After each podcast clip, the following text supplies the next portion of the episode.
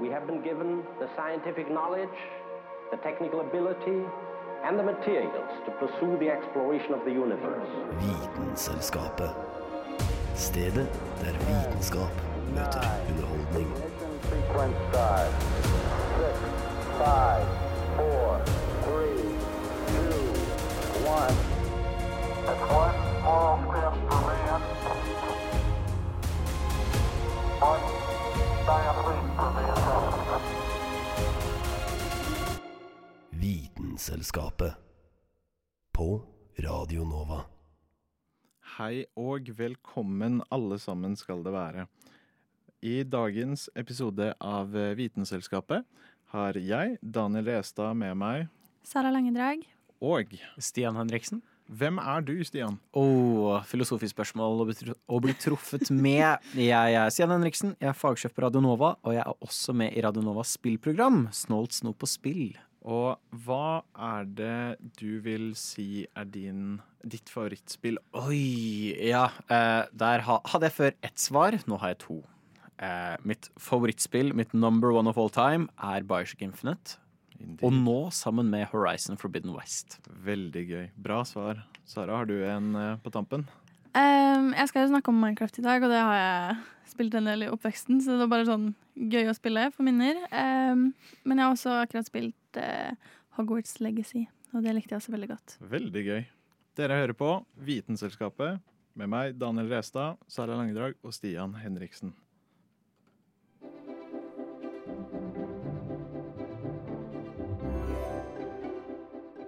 Ja, du hører helt riktig. Du hører på Vitenselskapet på Radio Nova.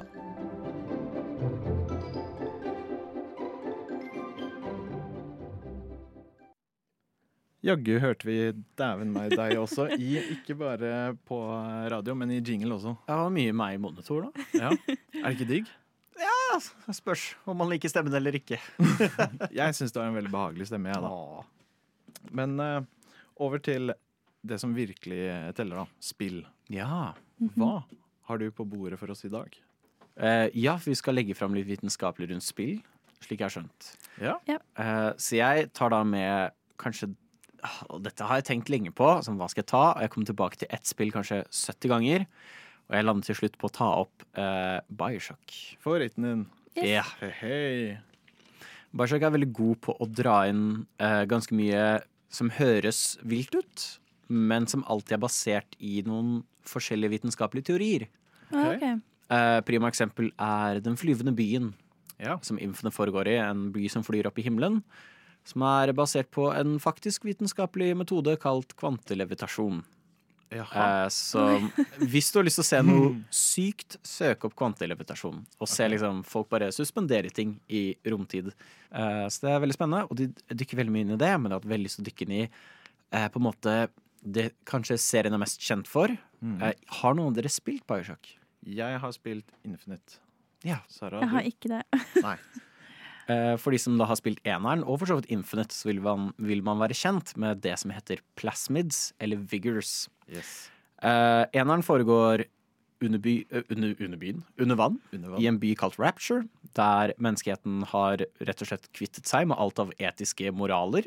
Det er bare å kaste ut av vinduet, du kan gjøre hva enn du vil eh, innenfor rimelighetens grenser. Så litt som en sånn anarkisk Antarktis Nei, hva det heter um, Den undervannsbyen Den Jeg, uh, jeg vet hva du mener. Jeg bare, Atlantis. Ja. Ja, på en måte. Eh, så det er mye basert på blant annet Ayn Rand sin filosofi om objektivisme, blant annet. Indeed. Eh, og i historien til Bajsjok så finner eh, da eh, de en slags eh, snegle, en slug, som inneholder pur stamceller. Den er, den, den er laget av Ja, den har uh, rett og slett sånn helt egne For alle stamceller blir på en måte delt opp inn i tre forskjellige kategorier. Uh, og stamceller kan jo på en måte forme alle mulige celler vi har i vår kropp. Mm. Og det som er greia her, er at disse cellene kan bli til hva som helst. Okay. du kan lett gjøre dem til hva slags DNA du har lyst til. Noe de da bruker for å genmodifisere mennesker. Yes, ok.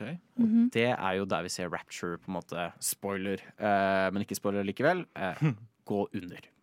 Hvor mennesker blir avhengig av dette, konstant kunne endre på ting. Eh, både for å finne seg selv, man kan endre kjønn, man kan endre på kroppsdeler. Eh, men det blir også litt til at du kan begynne å tenne flammer med hendene dine, Ja. skyte ut strøm fra kroppen, osv., osv. Det høres jo dritkult ut.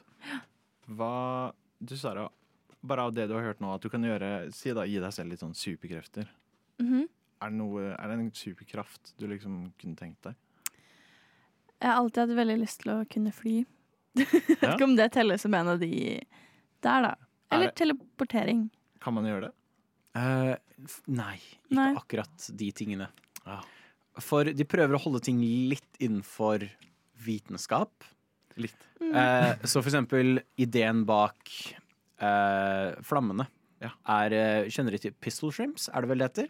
Eh, Ja, vet du hva, vi snakka faktisk litt sånn kort om det. Jeg tror det var forrige møte vi hadde. OK. Ja. Men eh, det er, ja, ikke sånn de slår drit, drit fort. Ja. Såpass fort at de nesten kan tenne på ting. Ja. Ideen her er at du på en måte putter inn genene fra den, og lar deg kunne slå sammen fingrene såpass fort at du kan tenne en flamme i hånda di. Oh, ja. Eh, Kult. og strøm, elektrisk ål, eh, du, kan kamuf- du kan på en måte bli usynlig, kameleon. Og liksom ideen er på en måte disse tingene da, står litt mer sentralt i Bioshock. Og det høres veldig kult ut. Hvor, hvor realistisk er det? Det er der det kanskje skuffer litt, men ikke egentlig.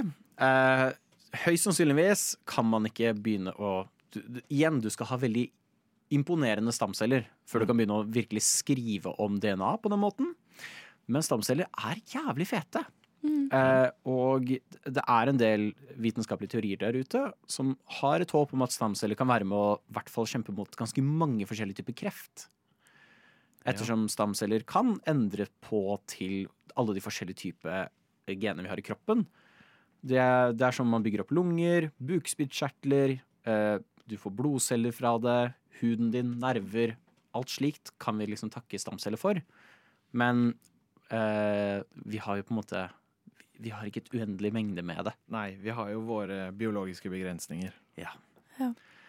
Eh, så er det vel noen dyr, som en uh, axolotl Ja, ja, ja. De har uh, eh, De har ganske mye uh, konsentrasjon av stamceller i kroppen sin, så de har mulighet til å gro tilbake ganske mye. Eh, Lemmer og sånt. Hvis de mister ben, så kan de faktisk gro det ut igjen. De er jo kjempekule. Og det er jo mye sånn stamcelleforskning prøver å finne ut av, er hvordan kan vi fikse folk som er født uten et ben, som har mistet en arm. Hvordan kan vi på en måte Oi. Går det an å gro den ut igjen? Mm. Um, man har klart å fikse synet til folk. Og det, de, det, er, det er noe som har gått? Det, de har Veldig eksperimentelt, men de har fått det til. Um, så det er på en måte det som jeg syns er ganske superkraft da, Mm. med stamceller, er at uh, forhåpentligvis så kan en person som er født blind, kunne se. Oh, det hadde jo vært så tøft. Sånn, hvis jeg av en eller annen grunn skulle miste et øye en dag. Det er sånn, ja, eh, vi kan gro tilbake. Mulig bieffekt. Du kan skyte lyn ut av øyet. Åh, det blir en framtid verdt å leve i. Det har vært kjempekult.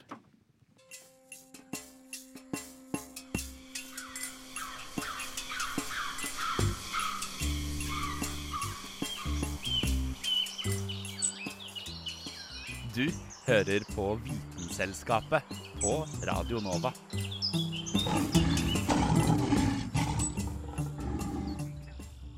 Hvis du er glad i å spille rollespill, så er du nok også kjent med flere av spillene til selskapet Bethesda. En av de største titlene i porteføljen er deres Fallout. En serie med spill som tar plass i en dyster fremtid. Året er 2077. Verden er i krig etter at det nærmest ble tomt for naturressurser. Kina og USA står begge med atomvåpen nok til å utrydde alt av liv på kloden. Og kanskje verst av alt, så har verken kulturen eller teknologien utviklet seg noe særlig etter 1950-tallet. Deler av verden har begynt å forberede seg på det utenkelige. De bygger underjordiske hvelv som forhåpentligvis kan holde befolkningen trygge. Utvikler teknologi som kan hjelpe dem når de til slutt skal komme til overflaten igjen. Så skjer det.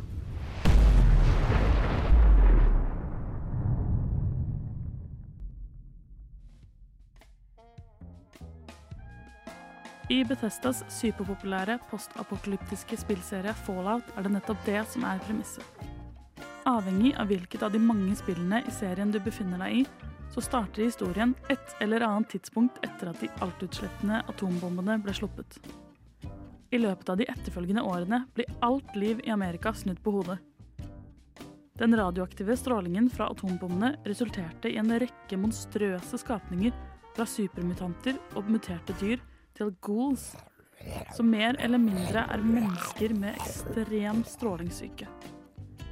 De går nærmest rundt som zombier i veldig radioaktive soner og angriper deg hvis du kommer for nærme. Noen av de er mer bevisst enn andre og kan holde en grei samtale om det over 100 år lange livet de har levd siden den store krigen utfoldet seg. Det er ingen tvil om at Fallout-serien er ren science fiction. Men hvor mye av disse godene er basert på virkelige effekter av radioaktiv stråling? Strålingssyke, eller acute radiation syndrome som det heter på engelsk, beskriver symptomene som oppstår etter at en person har blitt eksponert for en dose ioniserende stråling på over 100 millisievert. Dette tilsvarer dosen du får etter å ha spist omtrent 1 million bananer på veldig kort tid. Denne typen radioaktiv stråling har såpass høy energi at den kan sende elektroner ut av atomene i kroppen din, og dermed endrer og skader det selve DNA-et ditt. Cellene dine er til vanlig veldig gode på å fikse denne type skader raskt. Men hvis endringene er store nok og skjer fort nok, kan cellene dø eller spre seg som kreftceller. Hvor mye strålingssyke du opplever og hvilke symptomer du får, avhenger av faktorer slik som hvor høy dose du fikk deg, og over hvor lang tid. I scenarioet som blir lagt fram i Fallout-spillene, kan vi anta at det har vært snakk om en rimelig høy dose. Så hva skjedde egentlig med disse menneskene i spillene, som ikke befant seg i underjordiske hvelv da bombene inntraff? De begynte nok å kjenne på strålingssyken ganske fort. De første symptomene som inntraff, var kvalme og oppkast. Ironisk nok litt likt symptomene fra kjemoterapi. Deretter fulgte nok en kort periode med få til ingen symptomer, slik at man kanskje kunne tenke seg at man var blitt frisk igjen. Andre symptomer som så oppstår, kan inkludere feber, hårtap, infeksjoner og lavt blodtrykk. Det er her golsene får sitt karakteristiske utseende fra, med lite hår og blek hud. Selv om det er fullt mulig å overleve mindre doser radioaktiv stråling og strålingssyke, kommer det til å føre til høyere fremkomst av kreft. Og dessverre ikke gi deg immunitet mot radioaktivt materiale og nærmest udødelighet, slik som i Fallout-spillene. For å være føre var i tilfelle radioaktiv stråling, kan det være lurt å få i seg nok jod. Det beskytter deg ikke 100% men det i hvert fall minimerer risikoen for kreft i skjoldbruskkjertelen. Som er bedre enn ingenting. Denne saken ble laget av den glødende Julianne Li Fjell. Vitenselskapet. Vitenselskapet på Radio Nova.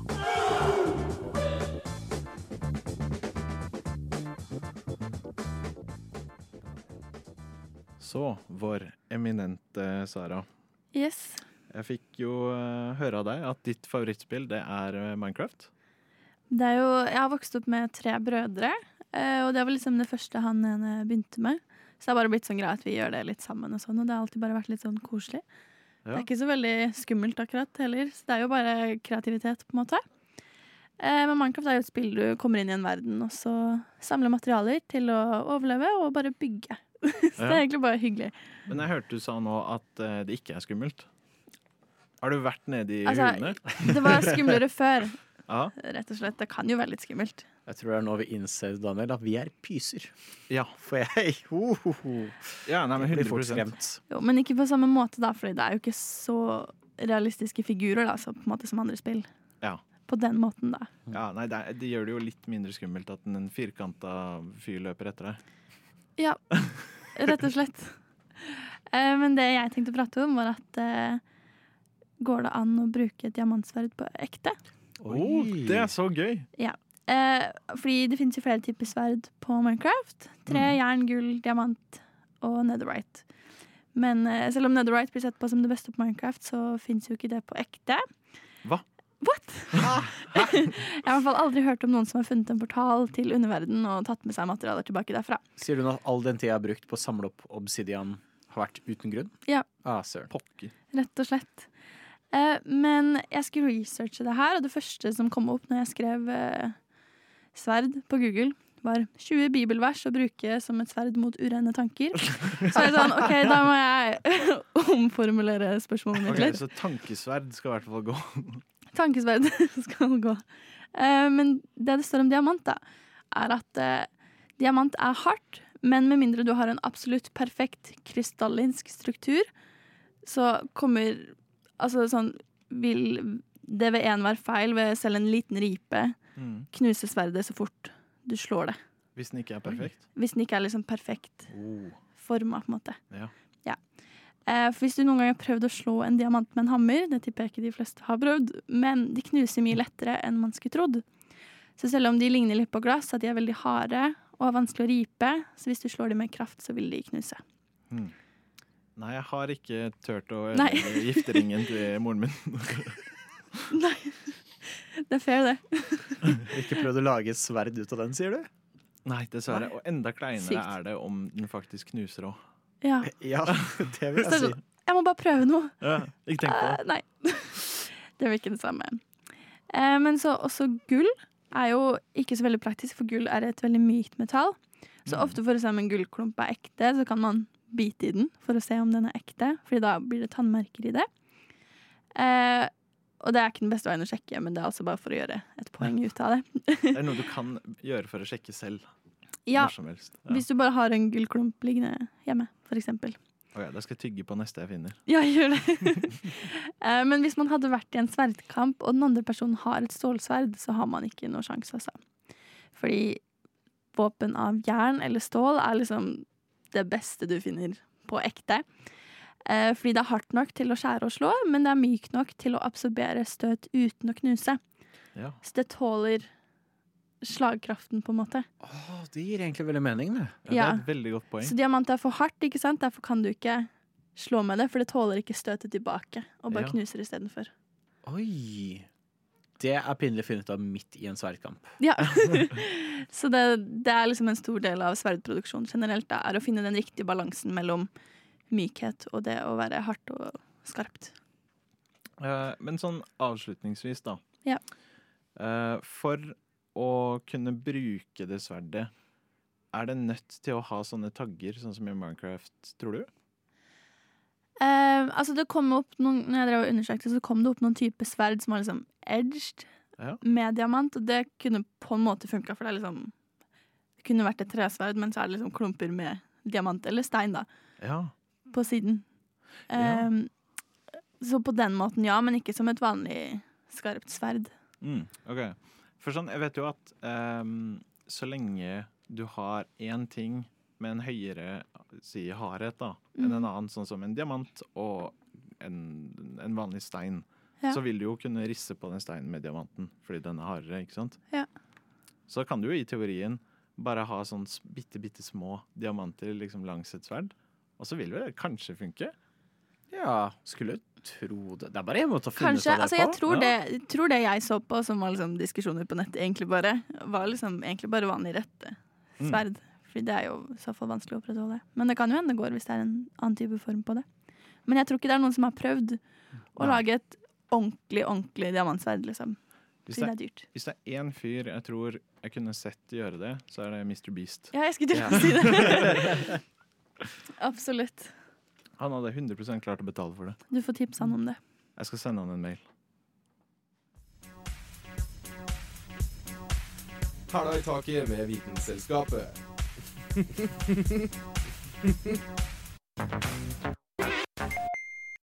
Bli med inn i Halo-sagaene og hør om krigen som beskytter våre galakser. I universets enorme utstrekning står menneskeheten overfor trusler som tøyer selve eksistensen. Men når alt håp ser ut til å være tapt, fremstår en krigerklasse så formidabel, så ekstraordinær, at de har blitt til legender. De er Spartans. Gjennom kvantefysikkens linse og genetisk ingeniørkunst er disse supersoldatene født av banebrytende teknologi og vitenskap. De representerer menneskehetens ytterste grense for biologisk og teknologisk forbedring. Det begynte med Orion-prosjektet. Dette var de første spartanerne. Pionerer av en ny grense for menneskelig kapasitet. Med presis genetisk seleksjon og nanoteknologisk forsterkning ble disse soldatene designet for å tåle mer enn noe annet menneske tidligere hadde forestilt seg. Men de var bare begynnelsen. Spartan 2-programmet introduserte en ny æra av genetisk forbedring. Ved hjelp av molekylærbiologi og genetisk terapi ble kidnappede barn omskapt til perfeksjonerte krigere med forbedret muskelstyrke, reflekser og kognitiv funksjon. Kjemisk endret for å beskytte menneskeheten ble disse spartanerne ikke lenger mennesker. De var sverdet mot kaos, et skjold mot ødeleggelse. Iført sin ikoniske Mjolnir-rustning, et vidunder av nano- og energiskjoldsteknologi, ble spartanerne mer enn bare soldater. Det ble symbiose av menneske og maskin. En fusjon av kjøtt og avansert rustningsteknologi. De ble symboler på håp. Deres nærvær en forsikring om sikkerhet. Deres gjerninger risset inn i historien. Men galaksen fulgte med. Spartan-treene oppsto. Disse var frivillige, drevet av hevn og smidd i flammene av uavbrutt krigsføring. Likevel var kostnaden for slik makt alltid i skyggene. Et etisk dilemma som satte spørsmålstegn ved vår moral. Spartan 4-programmet brakte forløsning. Ikke lenger barn, men villige voksne. De fineste krigerne trådte frem for å ta på seg Spartan-manten. De sto samlet. Ikke bare som soldater, men som inkarnasjonen av menneskelig motstandskraft og styrke. Og så står spartanerne. Voktere av alt vi holder kjært. Når mørket kommer, når fiender beleirer våre verdener, er det spartanerne som står ubøyelig i forsvar. Det er vårt sverd, vårt skjold, vår ubrytelige besluttsomhet. Å være en Spartan er å være menneskehetens beste. I deres årer renner motet som vil forsvare menneskeheten til tidenes ende. Og når du ser opp i nattehimmelen, husk, spartanerne er der ute, og av dem kan vi se frem til en ny morgen.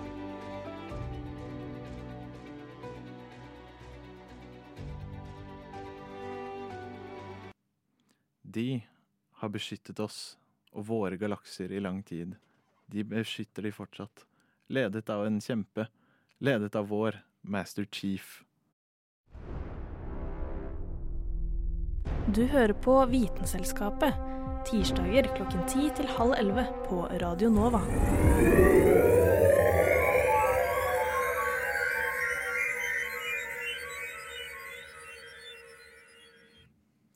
Og ut fra verdensrommet og tilbake til studio. Nå skal jeg ta, og få, ta for meg et spill som jeg er veldig glad i, som dere kanskje kjenner til. Det er Mario Kart. Aldri hørt om det. Aldri noen gang? Jo, det. Ja. Så klart. OK, du, du hadde lurt meg der, altså. Men Mario Kart er liksom sånn klassisk, så man alle har hørt om det. Ja, det er det. Ja. Det er noe som hvem som helst kan plukke opp, og de spesielt interesserte kan mestre. Veldig. Og nå er jeg veldig nysgjerrig på det vitenskapelige, for Ja. eh, hold deg fast, Daniel. Men kartreisere fins. Hæ? Nei. Jeg, jeg, jeg håper ikke du research nå, vet du vel, bomma helt. Oi. Jeg var sikker på at de bare var på fantasi. Nei, de, de, er, de er faktisk ekte. Er det folk som jobber som det? Som jobber som kart... Ja, som kjører, kjører Formel 1. ja, ja, ja. Ja, Men som ikke er taxisjåfører? Formel 1. ja, det er jeg usikker på. Finnes de? Ja, Men, helt kast, på ekte. men kaster de skall på hverandre? Nei. Nei, det tror jeg er valgfritt. Burde du bli diskvalifisert. Nei, da er jeg uinteressert. Da jeg om det. Da, hvis det ikke er bananer på, på sporet, så bryr jeg meg ikke. OK, fortell. Hva skal du Mhm. snakke om rundt det, da? Jo, nei, det var mest interessert i i forhold til eh, vitenskap og Mario Kart. Bananskall. Faktisk ikke. Nei. Men det hadde Å, vet du hva, egentlig, det burde jeg egentlig med. Går det an å skli på et bananskall? Ja, Ja, det gjør det, det. ja, bare for å få den inn, for den vil jeg ha med. Ja. Eh, nei, en bil hadde ikke begynt å skli på et bananskall. Nei, men Vi, om Ja. Statens vegvesen hører på nå, skru av. Men jeg kan snakke av erfaring. Bil hadde ikke sklidd på et bananskall. Nei. du har prøvd, altså? Vi har testet. Ja. Du har det? Du har testa selv? ja. Gutta har vært på parkeringsplassen med midnatt. På Testet Driftig sånn donuts og bare Du, du, par med banan her. Du sklir ikke på bananskall. Men nei, søren. Det skulle jeg ønske. Litt. Men nei, ikke egentlig. Det, det hadde jo bare vært kaos i gatene.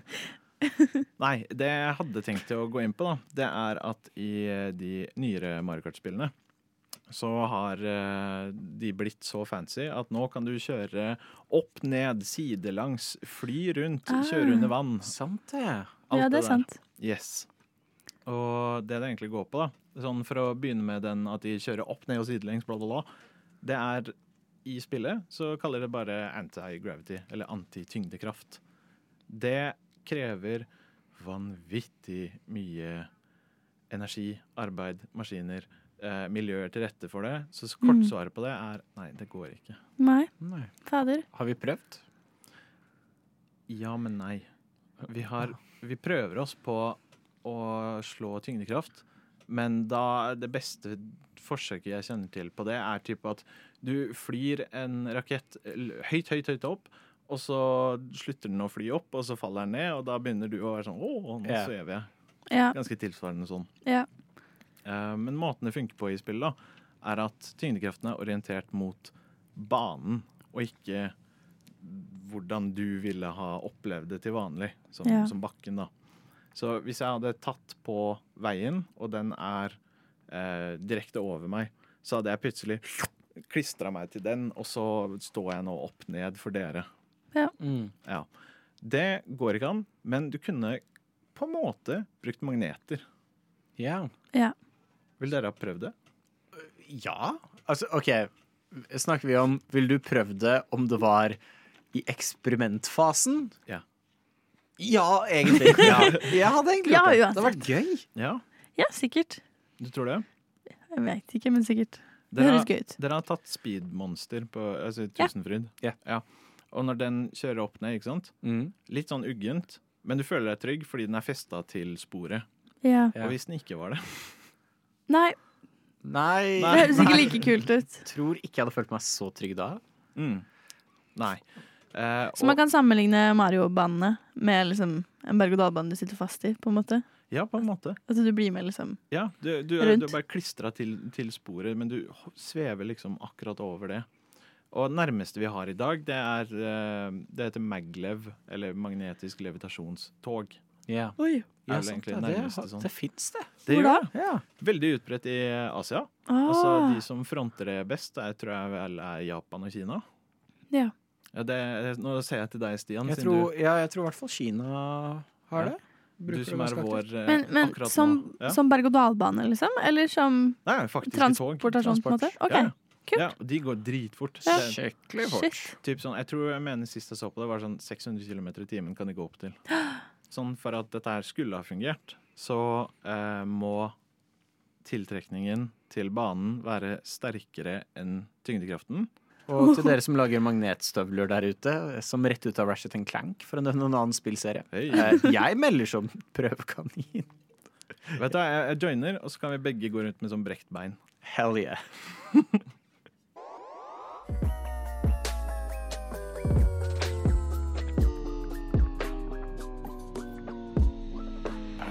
Vitenselskapet.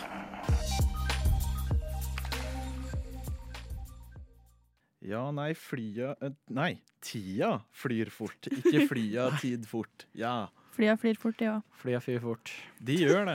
Men oppå der så flyr vi enda fortere, for nå har det faktisk allerede gått tid for oss. Ja, gud. Det gikk veldig, veldig gikk veldig fort. fort. Det gjør ofte det når man eh, har det gøy. Ja, absolutt. Jeg føler jeg har lært så mye i dag. I, i dag vært Vitenselskapet med meg, Daniel Restad, Sara Langedrag. Og Stian Henriksen. den eminente. Takk for oss.